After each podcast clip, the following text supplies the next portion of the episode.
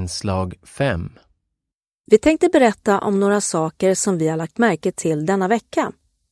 Och något som kanske både är vackert och oroande på samma gång är att det finns sommarblommor som är i full blom.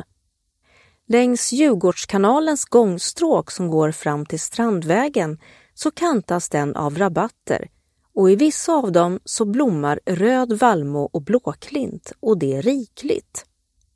I rabatter på andra ställen har jag sett blommande rosa sommarmalva. Att november är ovanligt varm märks också på att många restauranger inte tagit bort sin uteservering. Till och med parasoller är kvar, kanske mest som skydd för regn då. För att hålla värmen på kvällar finns värmelampor. På Plattan, Sergels torg, har staden inte heller tagit in sommarmöblerna.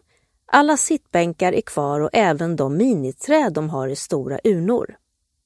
Den upp och nervända eken på Drottninggatan som kom dit med gröna blad, ja, de har blivit torra och bruna, men de har inte ramlat av. Man förväntar sig snart en lövhög under.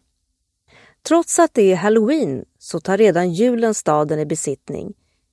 Julbelysningen ovanför gatorna har satts upp. Det som märks av halloween, förutom dekorationer i skyltfönstren, är att skämtbutiken Buttricks tre meter höga vita spöke som också hänger mellan två hus på Drottninggatan är tillbaka.